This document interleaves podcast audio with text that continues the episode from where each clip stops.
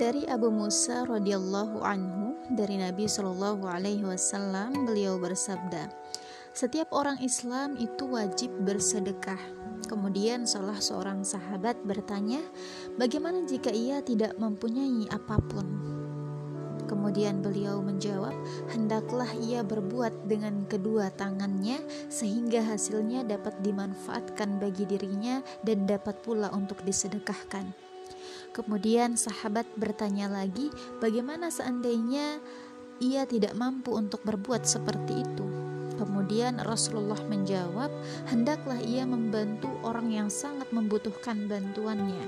Kemudian sahabat bertanya lagi, "Bagaimana bila ia tidak mampu memberi bantuan?"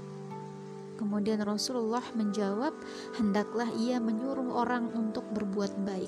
Lalu sahabat bertanya lagi, "Bagaimana seandainya ia tidak mampu juga untuk berbuat seperti itu?"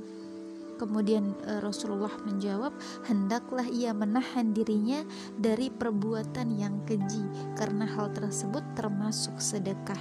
Hadis riwayat Bukhari dan Muslim.